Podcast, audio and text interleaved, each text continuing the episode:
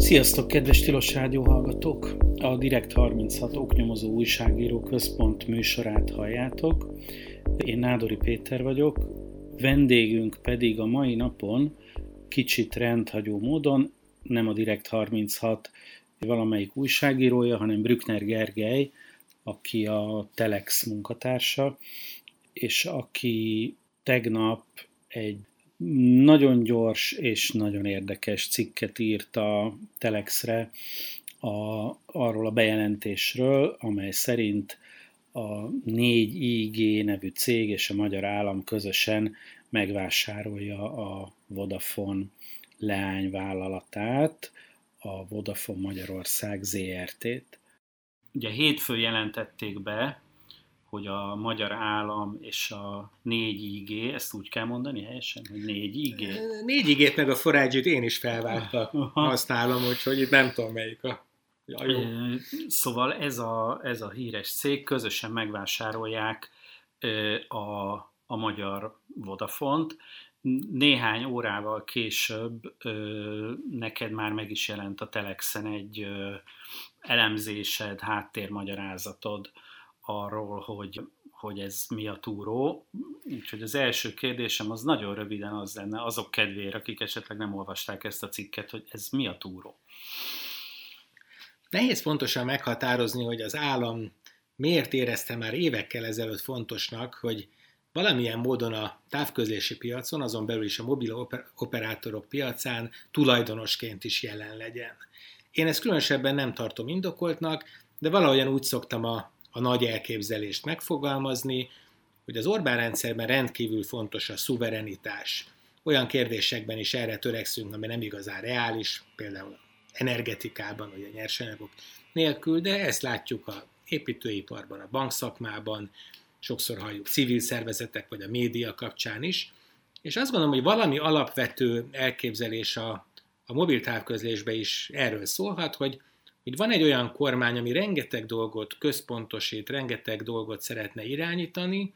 és hogyha a magyar lakosság életében ennyire meghatározó a mobiltelefónia, hogy ilyen fura kifejezést használjak, mindenki nyomogatja a telefonokat, akkor nem lehet az, hogy az a három operátor, amelyik ezt a céget dominálja, az egy brit, az egy cseh, illetve az egy német cég legyen,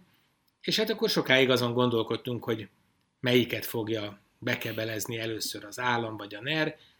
többfelé is elindult, ugye a német cég Magyar Telekom csoportból a, inkább ezt az informatikai T-Systems-et szemelte ki, a Telenorba kisebbségi részesedést szerzett, és hát ma jött el az a pillanat, hogy egészbe lenyelt, vagy legalábbis bejelentette, hogy lenyelne egy ilyen céget, és ez lett a Vodafone. A bejelentésnek, legalábbis a magyar oldali bejelentésnek, amit ugye Nagy Márton miniszter tett meg, annak egy eleme volt az, hogy ő ezt nemzetstratégiai jelentőségű tranzakciónak tekinti, és ezért előter, kormány előterjesztést fog tenni, hogy a kormány is minősítse annak. Ugye ennek az a jelentősége, hogyha nemzetstratégiai jelentőségű az ügylet, akkor például a versenyhivatalnak nem kell vizsgálnia. Ami ugye ebben az esetben azért érdekes, mert valójában a piac több szereplőjében jelen van már az állam is, meg ez a bizonyos 4IG nevű, ami papíron egy magáncég. Ami ugye azt jelenti, nagyon-nagyon leegyszerűsítve, és nyilván feltételes módban, de hogyha itt egy valós versenyhivatali vizsgálat lenne, akkor ennek a cégnek vagy a a meglevő mobilpiaci részesedéseit kellene eladni, vagy nem vehetné meg a, a Vodafont. Így van, tehát én a verseny szempontot duplán is érdekesnek tartom, hogy az egyik szintje az, hogy egyáltalán ez a bizonyos magyar kormányzati segítség, ez elég, tehát nem lehet-e olyan helyzet, hogy uniós jóváhagyás is szükséges, és mind a kettőnél speciális szabályok vannak, az unió általában akkor szokott magát akkor szokta relevánsnak tekinteni, hogyha olyan piacról van szó, ami csak 70%-ban hazai és legalább 30%-ban más uniós tagállamot érint. A magyar piacon, hát ott megint egy érdekes kérdés, mert ugye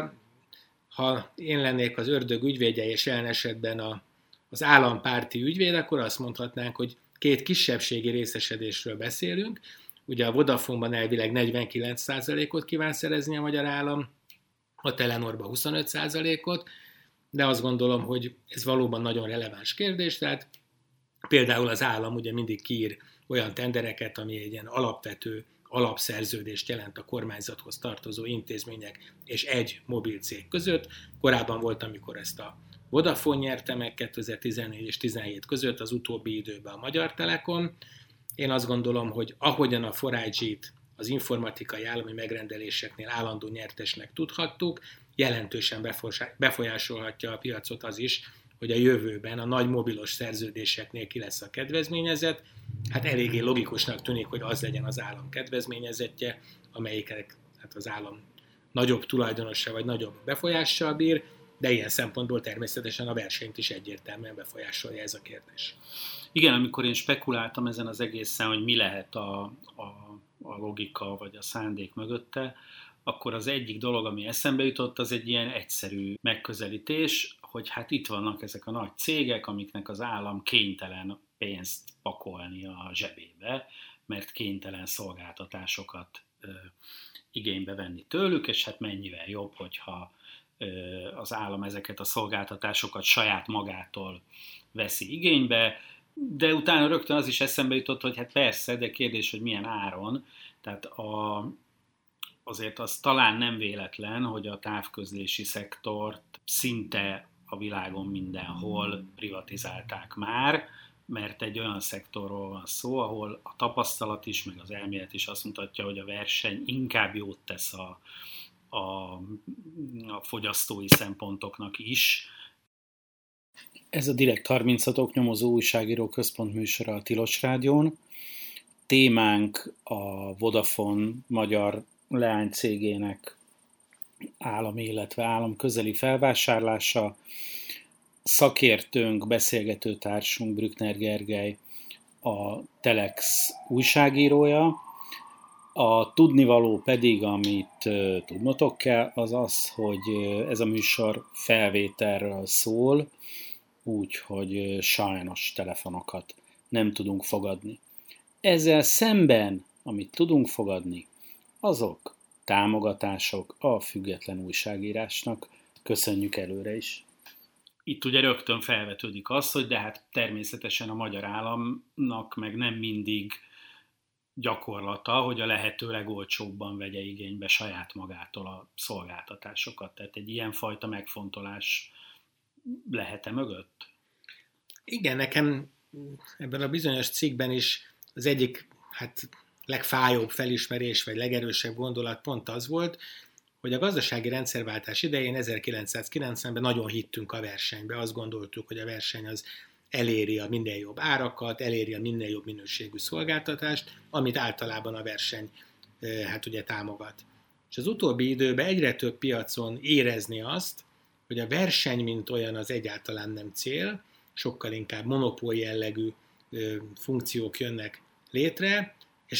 ha van jelző, ami talán fontosabb, ez a magyar. Tehát ugye nagyon ez a, a magyar tulajdon, mint, mint önérték, ez afölé nő, hogy, hogy versenyezzenek olyan mondjuk nemzetközileg elismert szolgáltatók, akik sok piacon gyűjtötték már össze a tapasztalataikat, és igazság szerint ebben a kérdésben is nekem egy ilyen helyzet van, hogy erős államról szoktunk beszélni, és a gazdaságban terjeszkedő államról, de nagyon sokszor az állam olyan, mintha ilyen kormányközeli vagy politika közeli magánszervezetek kiszolgálója lenne. Tehát ugye, hogyha 49%-ban az állam beszáll egy cégbe, akkor azt jelenti, hogy mondjuk a költségek megosztásában a maximális segítséget adja, vagy a beruházás finanszírozásban, anélkül, hogy valójában ő irányítaná azt a társaságot. Tehát ez egy kicsit inkább egy ilyen a magánpiacot támogató helyzet, és hogyha ezt egy kicsit kiszélesítjük, én az utóbbi időben nagyon sok ágazatban láttam azt, hogy minthogyha Orbán Viktor, akit hát az erős állam jelképének tartunk, mintha maga sem hinne feltétlenül az állam jó működésében, mert ugye magánpiaci szereplőkre bízza a felsőoktatásnak, a szerencsejátéknak, a hulladékgazdálkodásnak, vagy az autópályaépítésnek a hosszú távú feladatait, amelyeket amúgy alapvetően a közintézményei szoktak ellátni. Tehát itt is azt gondolom, hogy talán nem az a legerősebb szempont, hogy a magyar állam milyen áron vesz igénybe annyira nagyvevő, hogy vélhetően jó áron tudna egy piaci versenyben távközlési szolgáltatásokat igénybe venni. Én inkább ott látom a kardinális pontot az állam gondolkodásába, hogy a, amikor a magyar ügyfelek sokat költenek valamire, a távközlés nyilván ilyen, akkor annak a haszna ne feltétlenül külföldi cégekhez menjen. Hát ugye nagyon sok ágazatban láthattuk azt, olykor indokoltan, olykor kevésbé indokoltam, hogy hát kiebrudalják a külföldi szereplőt, rossz az, hogyha mondjuk nincsen elérhető taxiszolgáltatás, de esetleg azt a logikát is meg lehet érteni, hogyha egy nagyon lokális szolgáltatás, személyszállítás történik egy magyar sofőr és egy magyar utas között, akkor azon ne egy, nem tudom, kaliforniai cég nyer ilyen 20%-ot. A távközlésben nem gondolom azt, hogy ez ilyen logika mentén működne, hiszen tele van az európai piac nemzetközi globális szereplőkkel, de valami miatt én inkább ezt a részét érzem, hogy a kifejezetten lokális, de nagy üzletet jelentő bizniszekbe benne akar lenni az állam, vagy legalábbis bele akar hozni magyar szereplőket. Ja, a távközlési iparág az azért is speciális, mert jó sok pénzt lehet vele keresni, meg jó nagy mérleg főösszegek forognak, viszont egy elég beruházás igényes dolog, főleg egyébként érdekes módon egy olyan piaci környezetben, mint amilyen hosszú évek óta a magyar. Tehát ugye a magyar távközlési piacra sok rosszat lehet mondani, azt is olvastam ma a Facebookon, hogy az egész egy óriási nagy árkartel eleve, de az, hogy technológiai szinten abszolút világszínvonalú, amit, amit mi kapunk, az tuti. Tehát biztos Japánban még 5G-ba az 5G, mint nálunk, de hosszú-hosszú évekre visszamenőleg az teljesen egyértelmű, hogy mondjuk mobil internet lefedettségben, de akár hangminőségben, mit tudom, micsodában, abszolút Európában kiemelkedő. És ugye azt szokták mondani, hogy, hogy ezért jó, hogy nagy globális multicégek uralják ezt a piacot Magyarországon is, mert nekik a, a technológiai felkészültségük is megvan, meg a, a meg az anyagi erejük is megvan ahhoz, hogy, hogy ezeket, a, ezeket a beruházásokat finanszírozzák. A,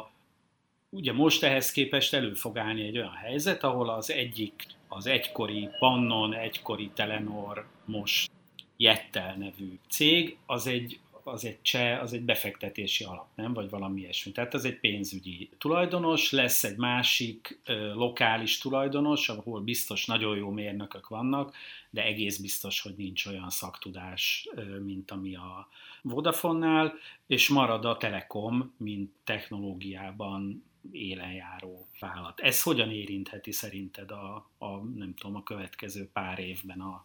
a magyar piacot? Igen, én is azt látom, hogy kifejezetten jó a szolgáltatás, vagy az infrastruktúra minősége. Ennek ugye van egy olyan pozitív olvasat, hogy mondhatjuk azt, hogy a nagy kihívásokon túl vagyunk, és kialakult egy megfelelő hálózat. Természetesen azt is hozzá lehet tenni, hogy hát ha van dinamikus innovációra állandóan igényt tartó szektor, akkor a, a, a távközlés az, az biztosan ilyen, tehát ott soha nem lehet hátradőlni, és akkor ar, arról már lehet, hogy egy szakember vitát tudna nyitni, hogy most a távoli pontok elérése az 5G, tehát hogy, hogy vannak-e még olyan nagy beruházási lendületek, amelyben nagyon is szükség lenne erre a bizonyos általad is említett nemzetközi know-how-ra, tapasztalatra, a belső szokványokra, best practice-ekre. Az ember azt gondolná, hogy ha kialakulnak ilyen kisebb regionális csoportok, ugye mind a PPF-nek azért cseh és szlovák hát mobiltávközlési cégei már voltak, illetve valami ilyesmi próbálna a 4G alatt is összeállni, ugye Albániában, meg Montenegróba már elindultak, de hát mindenképp azt gondoljuk, hogy nyilván nem tarthatnak ott. Ez egy örök vita, tehát ugye mindig a, a mondjuk a bankszektor lehet a példa, hogy ugye a külföldiek mellett egy csomó érvet lehet mondani, hogy ők majd bírják tőkével, van olyan reputációjuk, nemzetközi tapasztalatok, ami miatt hasznosak egy lokális piacon, de a magyar szereplő mellett meg el lehet mondani, hogy neki a magyar piac a legfontosabb, talán akkor se fog elszaladni a hitelezések alól, amikor nehezebb idők jönnek. Nyilván most Magyarországon is nehezebb idők jönnek, és azért ez a erősen lakossági felhasználást igénylő távközlésben is akár jelenthet hát spórolást vagy forgalomvisszaesést. Tehát ez egy kettősség, lehetnének olyan érvek, amik azt mondják, hogy egy magyar piaci szereplő az, az jó, ha van a piacon. Én ennek az egész nyomulásnak ebben az ágazatban, illetve ebben a költségvetési helyzetben nem annyira látom az értelmét, tehát nálam dominálnak valóban azok, amiket kérdeztél, hogy hát inkább a külföldi cégek stabilitása, tudása, minősége tűnik most előnyösnek, összehasonlítva természetesen azzal a költséggel, amit most vállalnak a magyar befektetők, a részben adófizetői pénz, illetve ez a, ez a tőzsdei magáncég. Ettől függetlenül, hát azt nem zárom ki, hogy lehetnek olyan érvek. Ha tisztán állami lenne ez a cég, akkor inkább el tudnám képzelni, hogy lehet olyan szolgáltatásfejlesztési ambíciója is, ami túlmutat annak a konkrét cégnek a nyerességességén, és valami olyasmit mhm. szolgál, hogy az ország általános állapota legyen innovatívabb, internetelérés, magas minőségű távközlési hálózat. Én nem hiszem, hogy itt most erről lenne szó. Egy ö, ö, nagyon érdekes kérdés, és nem tudom, hogy, ö, hogy lehet-e már róla tudni valamit, akár csak háttérinfo szinten. Ugye te is utaltál már rá, hogy néhány évvel ezelőtt a, a Telekomnak ezt az úgynevezett rendszerintegrátor cégét megvette ugyanez a, a 4G. Most viszont, ha én jól olvastam legalábbis a külföldi híradásokban, akkor a Vodafone-nak a hasonló leányvállalata az nem része ennek a tranzakciónak. Ugyanilyen érdekes az, hogy néhány évvel ezelőtt a Vodafone az összes infrastruktúrális tevékenységét kiszervezte, tehát nem a magyar Vodafone, hanem a nemzetközi, kiszervezte egy úgynevezett taranyvállalatba, tehát a hálózatot alkotó hardware, konkrétan a tornyok, a relék, az adók, a nem tudom micsodák, azok Magyarországon is egy külön céghez tartoznak, amelyik cégnek viszont nem az a Vodafone Magyarország a tulajdonosa, amiről a bejelentés szerint ez a tranzakció szól. A kérdés az, hogy arról lehet-e már tudni valamit, hogy de ettől függetlenül majd a része lesz a tranzakciónak, vagy pedig esetleg az marad ennek a nemzetközi vállalatnak a, a birtokában, amely esetben ugye az idők végezetéig lehet bérleti díjat fizetni az infrastruktúra használatáért mindenki nagyobb örömére. Egyetlen pontosítás, hogy ugye a, a 4G nekifutott a T-Systems megvásárlásának, de végül végül nem sikerült. Ja, Tehát ugye Igen. az egy olyan Igen. deal volt, amit végül vissza kellett tapsolni. A, amit amúgy én a toronyépítő... Ezért, ezért beszélgetünk szakértőkkel. Tehát a toronyépítő cégekről tudok, az gyakorlatilag mindent elmondtál a kérdésbe. Tehát én nekem is majd ez, egy, ez lesz a legfontosabb kérdés, hogy az infrastruktúrából pontosan mi az, ami átkerül, mert ugye itt, itt különböző, nem tudom, gerinchálózat, tornyok, üvegszál, optik, tehát nagyon sokféle elem van, és azért egészen más, hogyha csak egy üzemeltetést ö, vesz meg a, a forágyi, illetve, illetve a magyar állam, aminek természetesen ugyanúgy lehet egy, egy megfelelő jövedelmezősége, tehát az egy jó üzlet lehet, de így, amikor újabban ugye ezeket szétválasztották, ha jól emlékszem, a Vodafone-nak talán Ventis ez a cég neve, és a Telenornál Cetim, tehát ezek külön néven futó cégek, és ezek nagyon-nagyon érdekes, nagyon speciális piac, több nagy torony, a spanyollal volt ilyen tőzsdei tranzakció az elmúlt években, rendkívül sokra értékeltek ezek a már nagy költséggel elkészített, most egy hülyeség jut eszembe, hogy például csak a benne levő anyag. Tehát amikor hatszorosára, hétszeresére nő az anyag, hogy ez már megvan, ez, ez önmagában egy nagy érték. Nem tudom, hogy ez a bérleti díjakat befolyásolja, de azért az mindenképpen egy, egy, egy érdekes helyzet, hogyha ezt a Vodafone Magyarországot majd vélhetően új néven működtető állami és magán konglomerátumnak állandóan bérelnie kell, akkor azt milyen áron teheti meg, a magyar fogyasztó mennyire lesz ennek kiszolgáltatott, hogyha voltak éppen két, hát ilyen oligopol vagy duopol helyzetbe levő nagy szolgáltatónak az infrastruktúrájának lesz kiszolgáltatva. Tehát azért ezek olyan nagyon fontos finomságok, amikről még határozott állításokat én biztos, hogy nem tudok tenni. Vélhetően ez egy olyan kardinális kérdés, hogy ezt már biztosan tudják, amikor bemondtak egy vételi szándékban megfogalmazott árat, de valójában azért az átvilágítás, ami vagy pontos dealhez vezethet, az még, az még előttünk van. De hát ha tippelnem kéne, én jó esélyt látok arra, hogy ezzel nem lesz tranzakció, tehát nem véletlenül szervezte ezeket a részeket külön a Vodafone, tehát ez egy másik társaság, erről nem volt szó most. Ez a Direkt 36 nyomozó újságíró központ műsora a Tilos Rádión. Témánk a Vodafone magyar leánycégének állami, illetve állam közeli felvásárlása. Szakértőnk, beszélgetőtársunk Brückner Gergely, a Telex újságírója, a tudnivaló pedig, amit tudnotok kell, az az, hogy ez a műsor felvételről szól, úgyhogy sajnos telefonokat nem tudunk fogadni. Ezzel szemben, amit tudunk fogadni,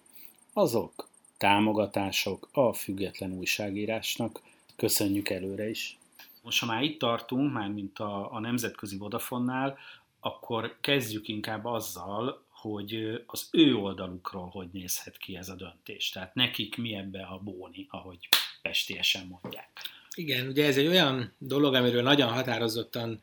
találgatni lehet, mert nem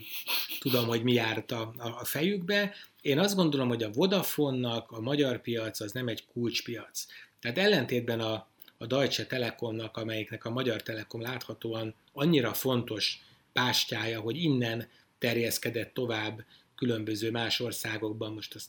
vegyük ki a történetből, hogy ezek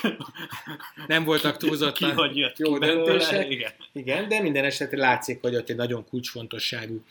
leányvállalat a magyar. A Vodafone gondolkodásában, anélkül, hogy tudnám, hogy van-e olyan terjeszkedési tervük, van-e olyan likviditási probléma, ami miatt kifejezetten nekik volt szükségük pénzre, én úgy képzelem el, de ez tényleg csak tip, hogy inkább a magyar állam és a 4G felől érkezhetett az érdeklődés, amelyik alig, hanem mind a három távközlési, vagyis mobil távközlési vállalatban gondolkodott, és úgy tűnik, hogy a könnyebb ellenállást azt itt találta meg, tehát a, a, a Telenornak a cseh tulajdonosa az láthatóan nagyon elkötelezett, most nem olyan rég vette meg a norvégoktól az akkori Telenort, ugye a németeknél említettem, hogy egy kulcspiacnak tűnik. A Vodafone-nál jobban el tudom képzelni, hogy árkérdés, tehát, hogyha egy olyan árat kap, ami számára elfogadható, vagy főleg ha kifejezetten jó, akkor azzal a, hát elég bonyolult, és itt sokat lehetne a magyar állam szabályozói kockázatairól beszélni, tehát hogyha azzal a piacsal nem kell foglalkoznia, ami eléggé kockázatos, akkor hát akár teljesen piaci alapon is elfogadható lehetett számukra ugye ez az ajánlat, de visszatérve arra kérdésre, amit az előző kérdésnél feltettél, és a mostaninál is utaltál rá, azért az egy elég jelentős kérdés, hogy mi van az infrastruktúrával. Tehát egészen más egy ilyen üzletnek a megítélése, hogyha azt is tudják, hogy az idők végezetéig, vagy legalábbis egy belátható időtávon belül bérbe tudják adni a kiépített infrastruktúrát, mintha esetleg az egy kockázat lenne, hogy azzal mi lesz a jövőben. Tehát abból a rövid nyilatkozatból amit, amit tett a, a Vodafone-nak a vezérigazgatója. Nyilván ezek mindig ilyen nagyon konform nyilatkozatok, de ugye nem tűnt úgy, mintha elégedetlen lenne ezzel az üzlettel, nem nagyon hallani olyan eladói vagy vevői nyilatkozatot egy tranzakció után, ami elégedetlenséget sugározna, de talán ez az ár, amit egyébként különbözőképpen fogalmaztak a, meg a felek, ez még érdekes lehet, de ez a 7 kötőjel 9 ces szorzó, amit a kamatok, az adó és az amortizáció nélküli eredményre szoroztak. Elnézést, hogy itt a szakmába ennyire belemegyünk, de ez a EBITDA néven ismert mutató a tranzakcióknál leginkább ezt használják. Ez ebben az iparágban egy jó szorzónak számít. Ö, hát igen. Tehát ugye itt a, igaziból a, az öt az már egy, mármint az ötös szorzó, az egy, az egy teljesen normális ö, ajánlat bárki részéről, valóban ahhoz képest a, a 7 vagy 9-szeres szorzó az, mm, az elég, elég gálánsnak tűnik, nyilvánvalóan a, egy csomó részletet nem ismerünk. Ugye én azt olvastam röviden tán a Bloombergben, hogy egyébként ez a, a nemzetközi Vodafone stratégiájába is beleillik, tehát ott ők próbálnak nem tudom, az új-zélandi vállalatukat is eladták, meg hasonló, tehát próbálnak, a, ahogy, ahogy te is utaltál rá, inkább a kulcspiacokra koncentrálni, tehát ilyen, ilyen értem, ugye ez teljesen máshonnan vett példa, csak, csak eszembe jut, hogy amikor a, az HBO kínálatából, mint az online kínálatából egyszer csak eltűnt a besugó, ami nekünk egy nemzeti büszkeségünk, ugye annak is az volt az oka, hogy egyébként annak a cégnek, a tulajdonos cégének, a tulajdonos cégének lett egy új vezérigazgatója, illetve hát ott volt egy, egy cég összeolvadás, lett egy új stratégia, dőltek a dominók, és az egésznek az lett a vége, hogy ugye valaki Kaliforniában valamit kihúzott egy Excel táblából, aminek az lett a vége, hogy mi nem tudjuk többet megnézni a, a besúgót, tehát itt lehet egy hasonló dolog, meg még az is eszembe jutott, hogy ilyet a nyilván kisebb léptékben, de a médiapiacon is láttunk, hogy, hogy az eladók végül is boldogan távoztak, mert egy valóban, ahogy mondtad, egy kockázatos piacot tudtak itt hagyni, egy jó exittel, tehát egy normális, normális áron. Nekik ugye egyébként a fő felelősségük nem az, hogy a magyar újságolvasóknak jó legyen, hanem az, hogy az ő részvényeseiknek jó legyen, tehát ha egy jó ajánlatot kapnak, akkor a maguk oldaláról nézve teljesen normális, hogy, hogy, hogy azt elfogadják. A, az viszont, hogy ugye ezt, ezt lehet mondani, hogy ez a Vodafone oldaláról nézve valószínűleg egy, egy üzletileg normális ajánlat. Ebből ugye az is következik, hogy viszont a mi oldalunkról, magyar adófizetők oldaláról nézve, ez írgalmatlan sok pénz, amit, amit ki, ki fogunk fizetni. A te hétfői cikkedben szerepelt egy, egy rettenetes összehasonlítás arról, hogy hány tanárnak mennyi időn keresztül mennyi pénzt lehetne folyósítani ebből, a, ebből az összegből. És ennek a, a morális megítélésén nyilván olyan nagyon sokat nincs mit rugózni, tehát ezt mindenki el tudja dönteni maga, hogy mit gondol róla, de honnan van ez a pénz? Nagyon érdekes kérdés, még az előző gondolathoz, hogy ugye amikor kihúznak egy, egy országot, mondjuk egy kaliforniai cégközpontban, sok ilyen példa volt. Tehát én ilyennek éreztem, amikor a, például a City egyszerre több országból kivonult, vagy a GE kivonult, de akár a, a Liberty, ugye a UPC-nek egy korábbi tulajdonosa is lépett ilyen, ilyen karcsosítást. Hát itt vélhetően ugye most annyiban nem erről van szó, tehát a logika az ugyanilyen lehet a Vodafone központjába is, hogyha kell vigyék, de nem az volt, hogy a Vodafone jelentett be egy, egy, egy országcsoportnak a, az eladását. Ugye a pénz az nagyon ö, érdekes kérdés, mert valóban az ember szeret óvakodni a, a, a túlzott demagógiától, és mondjuk 20 évig mindig azt mondtuk az állami költéseknél, hogy abból mennyi lélegeztető gépet lehetett volna venni, csak aztán hirtelen túl sok lett belőlük, és akkor már, már nem. Most a tanárok fizetése lehet ilyen, amit nem akarok elviccelni, mert azt valójában egy egészen elképesztő dolognak tartom, hogy a magyar tanárok bérére mennyire nem jut, és hogy olykor még ilyen, hát ilyen hangulati támadásokat is kapnak a nyári láblógatással, tehát ilyen szempontból demagógia, de indokolt demagógia. Ugye két része van a dílnek, tehát 51%-ban a magáncég, egy rendkívül eladósodott cég fog újabb, hát vagy hitelt fölvenni, vagy kötvényt kibocsájtani, esetleg tőkét emelni, a másik meg az a magyar állam, amelyik nagyon látványosan szorít meg éppen, nem ezt a kifejezést használják, de ugye a különadókra, a rezsinövelésre, a katások terheinek a növeléseire gondolva valójában most hát sokszor érezhetik azt különböző társadalmi csoportok, hogy hát tőlük éppen erősen elvesznek, most miért volt annyira fontos ez a díl, amit hát még nem kellett kifizetni. Pont a délután beszélgettem, ugye most arról egy, egy, egy elemzővel, hogy valójában abban esetleg itthonról nézve talán nem nemzetközi intézményi befektetőkre érett ez a cégcsoport, mert látjuk a mutyis jellegét, a NER közeliségét, azokat a hát állam által folyamatosan pumpált közbeszerzéseket, amelyeket ez a csoport megnyer, de olyan cégekkel kerül most kapcsolatba 4IG, ugye most a Vodafone ilyen, korábban ilyen volt a német Rheinmetall, amelyek akár még azt is indokolhatják, hogy erre a bimbódzó kelet-európai infokommunikációs csoportra meg lehetne próbálni nemzetközi befektetőket gyűjteni egy valamilyen nemzetközi tőzsdei kibocsátás révén. Ugye ez egy olyan helyzet lenne, amikor nem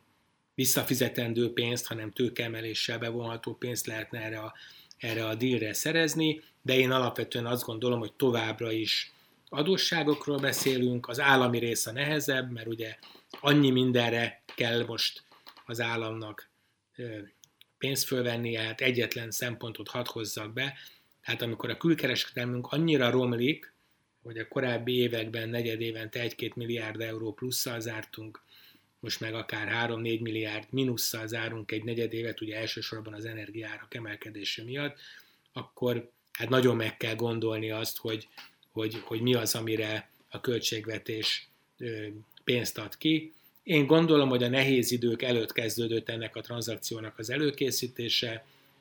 lehet indokolt, lehet ja. olyan gondolkodás, ami azt mondja, hogy ezt már érdemes befejezni, meg ez jó üzlet, ha ilyen szimbolikus célok, meg legyen magyar, meg szóval, ha ezek dominálnak ebben, akkor azt gondolom, hogy ezt most kár volt befejezni, vagy kár volt bejelenteni, hát aztán ezt az idő fogja eldönteni, tehát nyilván lesz olyan csoport a közvéleményben, amelyik meg azt mondja, hogy na hát végre nem a nem tudom, gazkülföldiek miatt kaptunk ilyen magas mobilszámlákat, de nem hiszem. Saját magunktól. Igen, mennyivel legalább jobb, magunknak Mennyivel száll. jobb érzés. Ö, a, lehet, hogy laikus a kérdés. Ö, a, kitől fog hitelt kapni a 4IG erre a tranzakcióra? Ö, és akitől hitelt fog kapni, annak végső soron honnan lesz a forrása arra, hogy ezt a hitelt nyújtsa. Ugye olyan területre tévedünk, ahol lehet nagyon egyszerűen válaszolni, hogy tőlünk, meg lehet nagyon cizelláltan, hogy vélhetően olyan ö, részben állami, részben kereskedelmi banki forrásokra gondolhatunk, ahol aztán nagyon össze tud kuszálódni az, hogy mi az, ami itt a, az állam, mi az, ami a NER, mi az, ami a tisztán magánpiaci befektető, tehát egy korábbi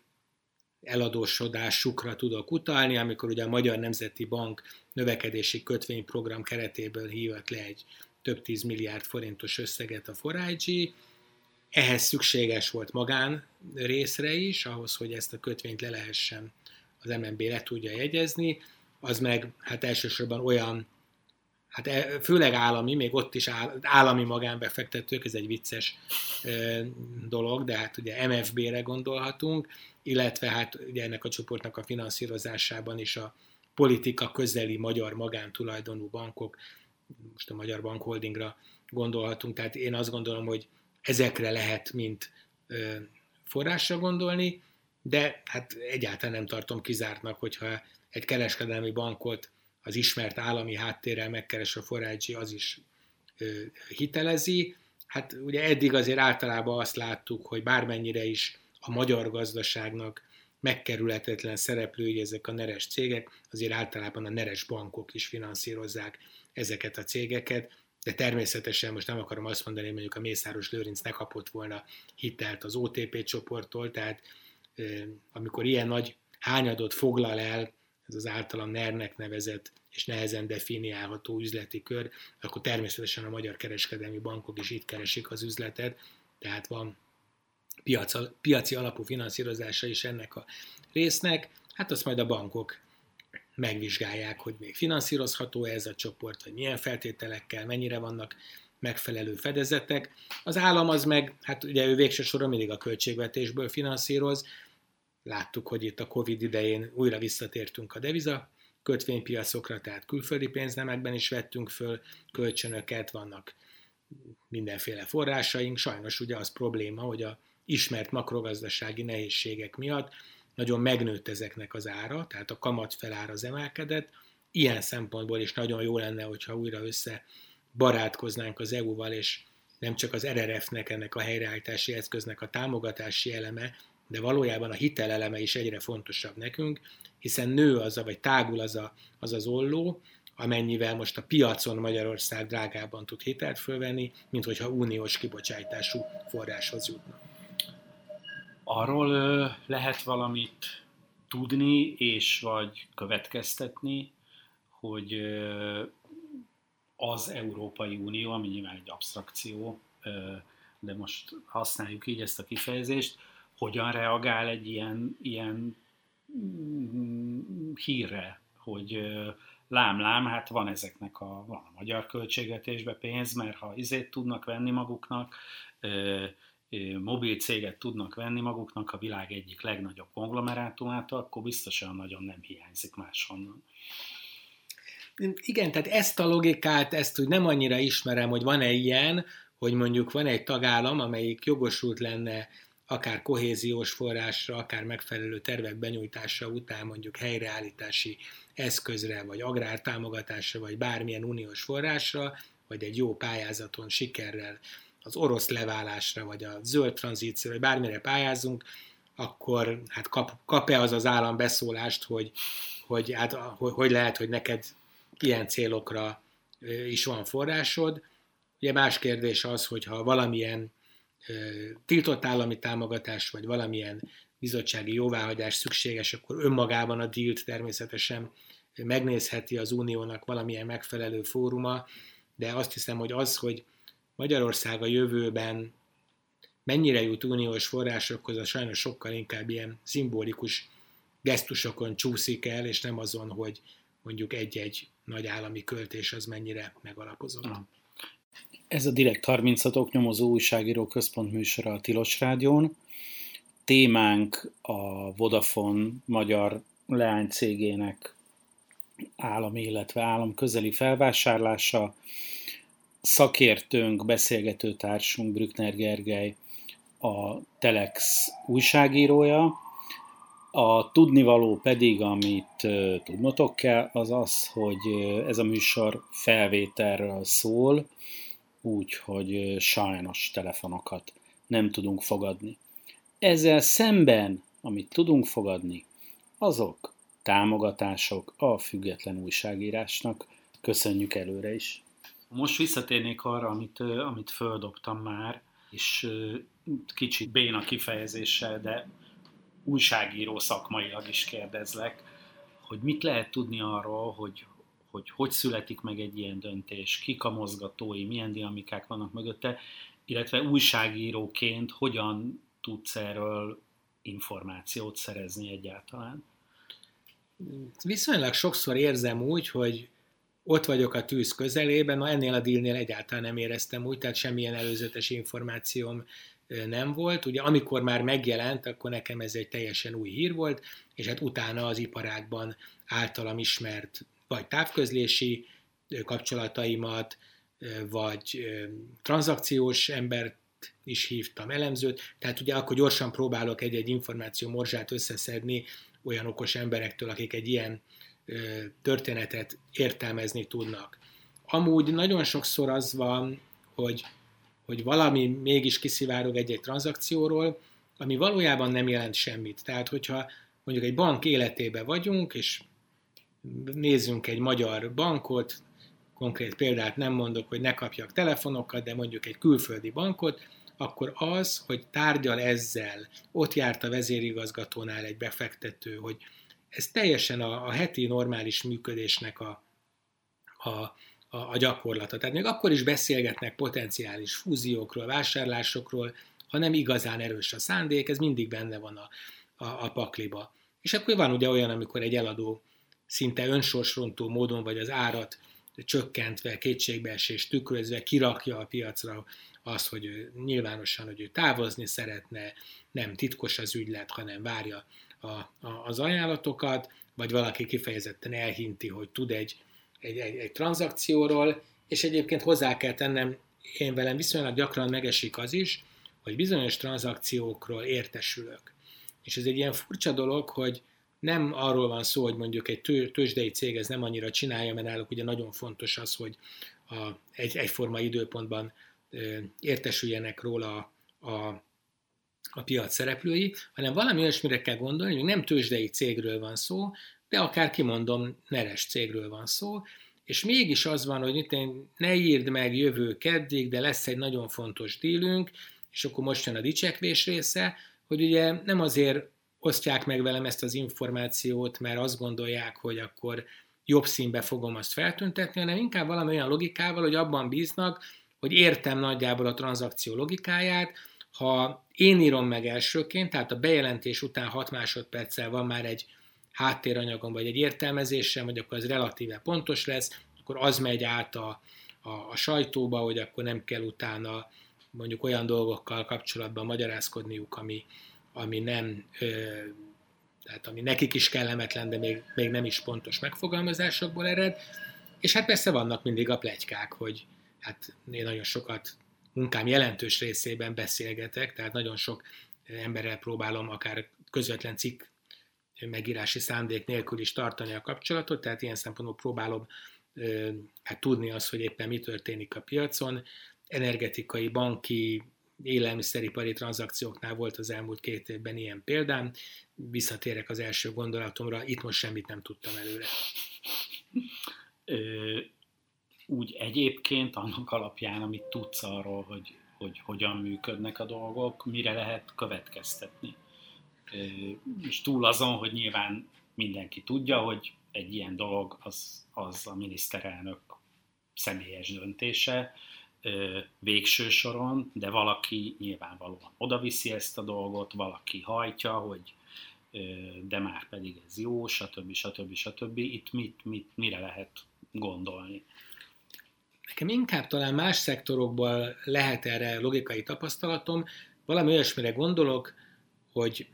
mondjuk a miniszterelnök a médiapiacon is bíztatta a kormányzathoz közeli üzletembereket, nevezzük őket oligarcháknak, hogy vásároljanak médiát. A bankszektorba bejelentette, hogy kívánatos az 50 plusz 1 százalékos hazai tulajdon, az energetikába hát egyrészt a rezsiárral, de hát egyéb módokon is hát ott kifejezetten nyomasztották, vagy elkedvetlenítették a, a külföldi szolgáltatókat. Tehát ugye van egy ilyen mechanizmus, és utána biztos, hogy nagy munka, tehát nem akarom elvitatni a tranzakció előkészítésében résztvevőknek az, hogy egy nagy politikai iránymutatás után az ki kell tárgyalni, ott valódi tárgyalások vannak, de valóban van egy ilyen zöld lámpa vagy biztatás általában a kormányzat részéről. Még egy jutott most hirtelen eszembe, ugye az élelmiszerkereskedelmi láncok, tehát azt is hallhattuk, hogy addig soha nem lesz megfelelő a mezőgazdasági vertikum, ameddig az értékesítési pontokon nincsenek magyar szereplők. És amikor egy ilyen elhangzik, akkor nem sokára, hogy hogy nem az Osamba már lesz magyar tulajdon, 50% felett vannak a bankokban a hazaiak, energetikából eltűntek a külföldi áram- és gázszolgáltatók, nem teljesen, de, de, de majdnem eltűntek. Hát a médiában láttuk, hogy mennyi oligarcha vásárolt valamilyen üzleti megfontolásból, aztán ingyen összedobták egy alapítványba őket. Tehát vannak ilyen furcsa folyamatok, amelyek hát a hazai politika és a gazdaságnak egyáltalán nem pénzügyi alapon, hanem ilyen jó pontszerzés vagy bizalmi alapon történő összefonódása. Ha elképzeljük azt, hogy valamiért ez a rendszer ebben a formájában nem csak, hogy működik, hanem valamennyire tovább is tud épülni, tehát nem ment, nem tudom, nem omlik össze az MKB, nem megy füstbe valamiért. Ez a tranzakció, és itt tovább, és itt tovább, akkor mondjuk ilyen, nem tudom, három-négy éves távlatban mennyire fog hasonlítani szerinted a, nem tudom, 1981-es állapotokhoz az, ami a magyar gazdaságban tapasztalható? Ez egy érdekes kérdés. Én valahogyan onnan szoktam ezt megfogalmazni, hogy a Fidesz kommunikációjában, vagy miniszterelnök kommunikációjában elég gyakori kifejezés ez a megvédjük, meg harc, meg, és ugye nem, hála Istennek nem katonai dolgokra kell gondolni, igazán azért azt se gondolom, hogy a szájkaratén kívül mondjuk Brüsszellel, vagy más államokkal ez egy érdemi dolog lenne, ahol a harc vagy a térhódítása leginkább látszik, az a magyar gazdaság. Tehát a magyar gazdaságnak mind nagyobb részét birtokolja az a valami, amit már eddig se tudtam definiálni, magyar politika közeli részben, magánrészben állami körök, tehát ez a neres tulajdonosi csapat, ez ugye, ez ugye folyamatosan bővül, előbb-utóbb elfogy a, elfogy a tér, hát tudjuk, hogy voltak olyan dolgok, amiket még nem sikerült megvalósítani, előbb a kereskedelmi láncokat említettem, de a repülőtér is például egy, egy ilyen lehet. Csak ugye az a probléma, hogy ebben a működésben akkor mennek jól a dolgok, hogyha a belföldről van szó, és az állam az hát pénzt, paripát, fegyvert megad, azonnali zöld lámpát minden hivatalos jóváhagyásra, hitelt, mert ugye ebben a körben vannak állami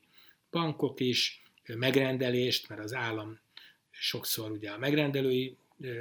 piacon is ott van, sokszor szabályozás, tehát ezeknek a cégeknek kedvező szabályozási környezetet, azt ritkábban látni, de ennél drasztikusabb kifejezést is lehetne használni, hogy ezekből valami nemzetközi siker is kisül. Tehát vannak olyan vállalatok, nem tudom, izocukor vagy ilyesmi, aminek van nemzetközi piaca, és ehhez a körhöz tartozik, meg van olyan, hogy egy ilyet megvesznek, és aztán jól, rosszul, közepesen tovább működtetnek, de alapvetően ez a mind nagyobb céges kör, ez a mind nagyobb foglalkoztatotti kör, ez hát valamilyen módon azt a bizonyos unique selling pointot, tehát Magyarországot megkülönböztető sikerfaktort, tudásintenzív vállalatokat, hát ezeket nem termeli ki, úgyhogy ilyen szempontból én nem látom ezt annyira pozitívan. Hát nyilván a 80-as évekkel a, én mindig óvatos vagyok a, a, az átkossal való összehasonlításba, akár hangulati alapon sem, akár ugye a természetesen létező magángazdaság sikerei, mert ugye rengeteg olyan cég van, amelyik mikropiacon dolgozik, jobbak az éttermek, rengeteg olyan cég van, ami külföldre dolgozik, sok az informatikai sikersztori 95%-ba. Külpiacokra dolgozva nem is annyira ismerjük a cégeket, tehát a gazdaság egésze szerintem egy, még így is egy sokkal egészségesebb dolog, hogy nagyon sok az ilyen felülről irányítottan elnyomott ágazat, és hát azért, ami nagyon fontos, hogy azért van egy olyan ágazat, amit húzó ágazatnak nevezhetünk, ugye az autóipar, ahol azért a beszállítási lánc is nermentes, tehát oda nem az hagyják működni, mert ott látják, hogy az egy, az egy kifejezetten nemzetközi versenyben eldőlő olyan ágazat, és az a feldolgozóipar egészére is igaz, ami bárhova tud menni. Tehát ahol tényleg hálásak lehetünk, hogy valaki idejön, ott azt gondolom, hogy a kormányzat is egy nagyon támogató, nagyon alacsony adókkal és mindenféle egyéb szubvenciókkal kialakított környezetet biztosít. Tehát vannak egészséges részei, hála Istennek a magyar gazdaságnak. Sokfelé kanyarodik a válaszom. Az utolsó gondolat az, hogy sajnos azért minden egy kicsit kettős. Tehát amikor borzasztóan boldogok vagyunk, hogy mennyi működőtőke érkezik, és ez tényleg egy hatalmas siker, akkor azért abban van egy olyan elem is, hogy egy kicsit ez a bérgyártói szerepbe konzerválódunk, vagy most, amikor az akkumulátor klaszter lett egy ilyen erős ágazat, akkor ennek a nagy víz és energia igénye tűnik egy kicsit kockázatosnak, tehát mindig mindennek több oldala van, de biztos, hogy van a magyar gazdaságban egy rendkívül támogatott és rendkívül sikeres nyugati multi, munkakultúrát, nyugati béreket, közelnyugati béreket, és hát egyfajta nyugati minőséget is megtestesítő része. Igen, ez abszolút így van, és valóban nagyon fontos erre, erre emlékeztetni. A, azért én még kicsit rúgoznék ezen annyiból, hogy viszont egyre több olyan szektorban lesz az állam, vagy az államhoz nagyon közel álló szereplők teljesen meghatározók, ami, ami nagyon-nagyon sok ember mindennapi életét befolyásolja. Tehát az közhely, de attól még rettenetesen szomorú, hogy az oktatásban és a, az egészségügyben hogy állunk. Ha elképzelem, hogy ugyanaz a, a logika, hatékonyság, forrásbőség, nem tudom micsoda, fog, fog érvényesülni az élelmiszer kiskereskedelemben, mint ami ezeken a területeken érvényesül, akkor én inkább megijedek, mint nem, és nem gondolom azt, hogy na, ha végre megvalósul Lázár János évtizedes álma, és magyar lesz a Tesco, akkor majd jó lesz. Tehát biztos lesz egy pár olyan termék, ahol, ahol jobban fog járni a magyar beszállító, mint ahogy eddig járt, és egész biztos vagyok benne, hogy nagy átlagban a magyar vásárló az tuti nem fog jobban járni. A kádárkori dinamikákat azért is emlegettem, mert például, ha elképzelem, hogy hogy működik egy olyan cég, mint az MKB, az úgy működik, ahogy a Kornai János leírta annak idején, hogy hogy működtek a, a Kádár korszakban, a hiánygazdaságban a vállalatok. Ugye a vállalatvezetők nem arra voltak motiválva, hogy hatékonyan és nyereségesen működjenek, hanem arra voltak motiválva, hogy terveket, illetve politikai elvárásokat teljesítsenek, ami pont arra volt elég, ahova az ország eljutott a 80-as évek végére. Igen, ezzel, ezzel, ezzel egyetértek, mert nagyon sok olyan elem köszön vissza, amiről azt hittük, hogy a piacgazdaságban nincs, vagy egy jól működő piacgazdaságban nincs. De azért nehéz ezeket szerintem elemezni, mert ugye mi a közgázon oda jártam, ott azt tanultuk ezt a fura kifejezést, hogy ceteris paribus elemzés, tehát hogy minden egyéb tényező változatlan hagyása mellett mondjuk, ha meg lehetne vizsgálni, hogy mit jelentett az, hogy hát ilyen szinten terjed a, a NER tulajdon a magyar gazdaságba. De ugye hogy vizsgálod meg, hiszen amikor a szállodákat tömegesen a NER kezébe adták vagy kerültek, akkor bejött a Covid. Amikor minden energiacég államközeli körökhöz került, akkor egy energiaválság jött, ami hát nyilván az ágazat cégeinek bizonyos szempontból pro,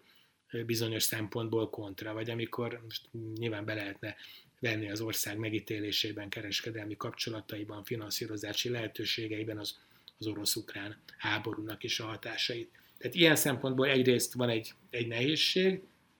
másfelől meg azt gondolom, hogy amikor ennyire nem a szakmai kiválóság, hanem sokkal inkább ez a politikai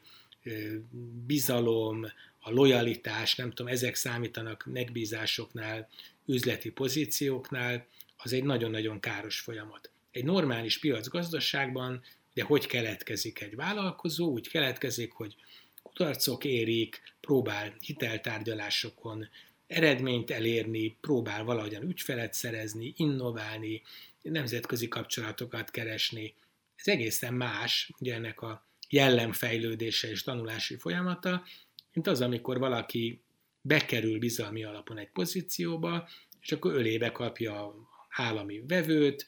Ugye a klasszikus példa az volt, amikor nem tudom, Mészáros Lőrinc megvett egy nagyon pici ásványvíz céget, és akkor a MÁV a következő évben attól kérte a, a, a vízszállításait. Nem valószínű, hogy az az addig döglődő vízcég az bizonyította, hogy tőlük érdemes, hogy ő adta a legjobb árat és a legjobb minőséget, de a politikai bizalom felülírta ezeket a fontosabb szempontokat. Tehát sajnos valóban torz ösztöndő, az ösztönzők is megjelennek egy ilyen, egy ilyen gazdaságban, ha A kéri a hitelt, akkor lehet, hogy nem kap, ha B kéri a hitelt rosszabb üzleti tervel, de nagyobb politikai hátszílel, akkor meg lehet, hogy kap. Hát ebből nem sül ki a nemzetközi versenypiacon jó teljesítmény, ezek mind-mind problémák. Hát ugye megint csak oda tudok visszakanyarodni, hogy természetesen a kicsik, fagylaltozó termek azok azért versenyeznek, és hála Istennek, amikor kisebb cégekkel vagy például az autóipari vertikum cégeivel foglalkozok, mindig megdöbbentően pozitív élmény, hogy mennyi olyan vidéki cég van, valami alkatrész gyárt, életemben nem hallottam róla, mekkora forgalma van, milyen minőségi gyárcsarnoka. Tehát van egy ilyen,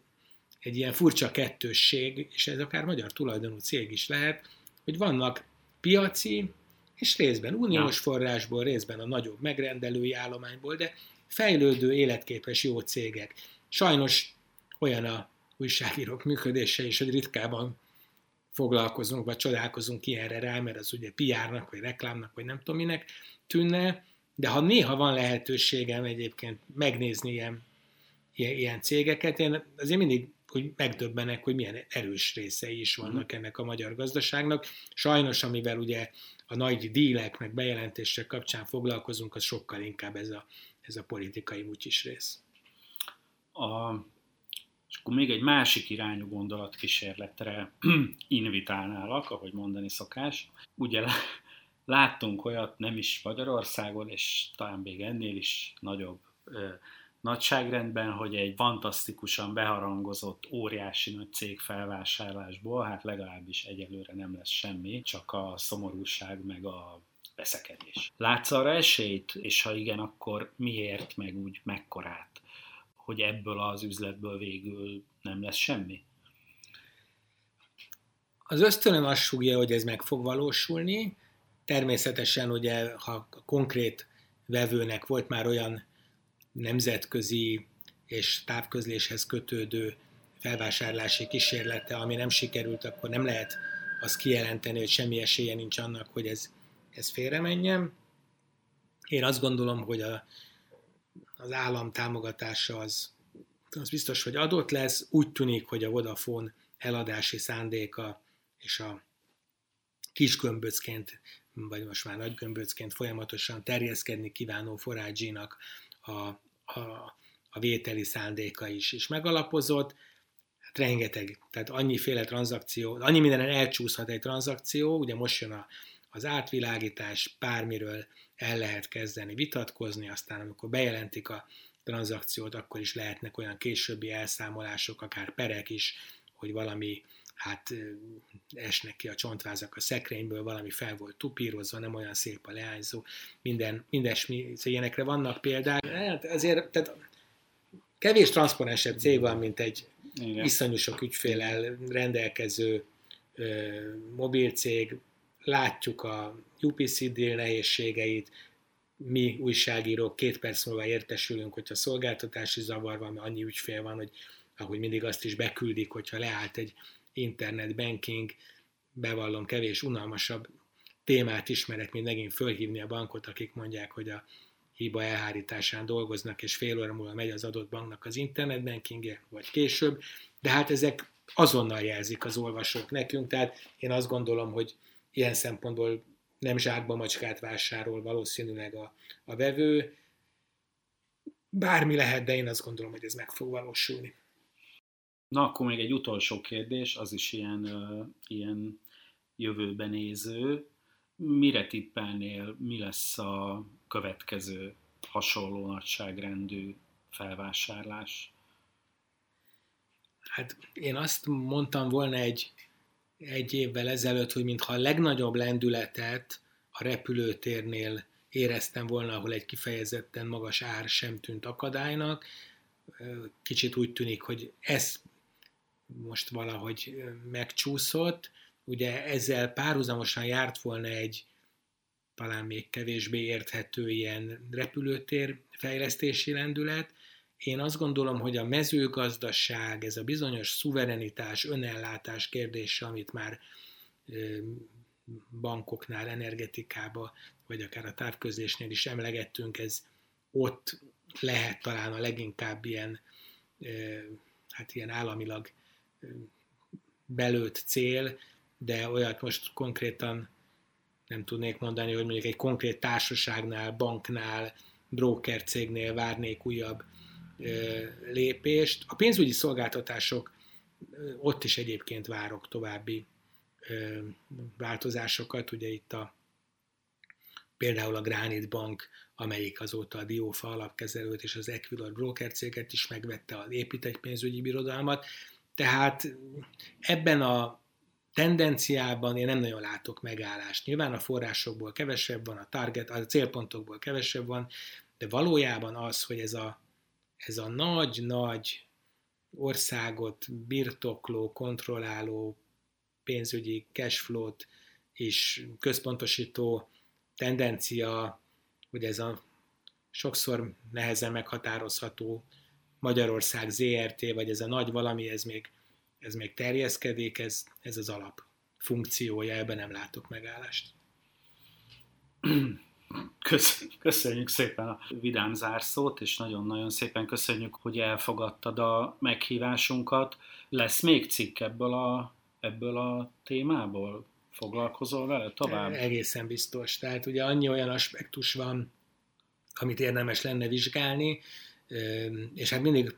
ez egy vicces dolog, hogy amikor mondjuk írok valakiről portrét, akkor három perc múlva kapom a telefont, hogy hát miért nem hívtál föl, az alsó szomszédom volt 20 éve ismerem, hát honnan tudtam volna. Tehát ugye az ember nem mindig találja el, hogy kit érdemes egy adott ügy kapcsán megkérdezni, hát amióta a mai cikkeink megjelentek, már elég sok hívást kaptam, tehát biztos, hogy vannak olyan nyomvonalak, ahol, ahol lehet folytatni, hát kérdés, hogy a olvasókat mondjuk az ilyen hardcore pénzügyi részletek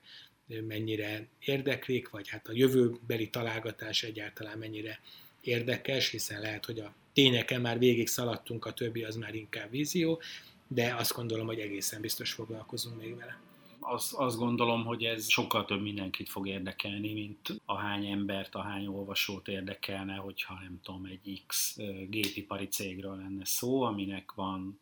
száz ügyfele, erről azért mindenki tudja, hogy micsoda, és, és, és nagyon-nagyon sok mindenkit érdekel, úgyhogy mi egész biztos, hogy olvasni fogjuk a továbbiakat is ebben a témában. Még egyszer nagyon szépen köszönöm. Én köszönöm a meghívást, köszönöm szépen.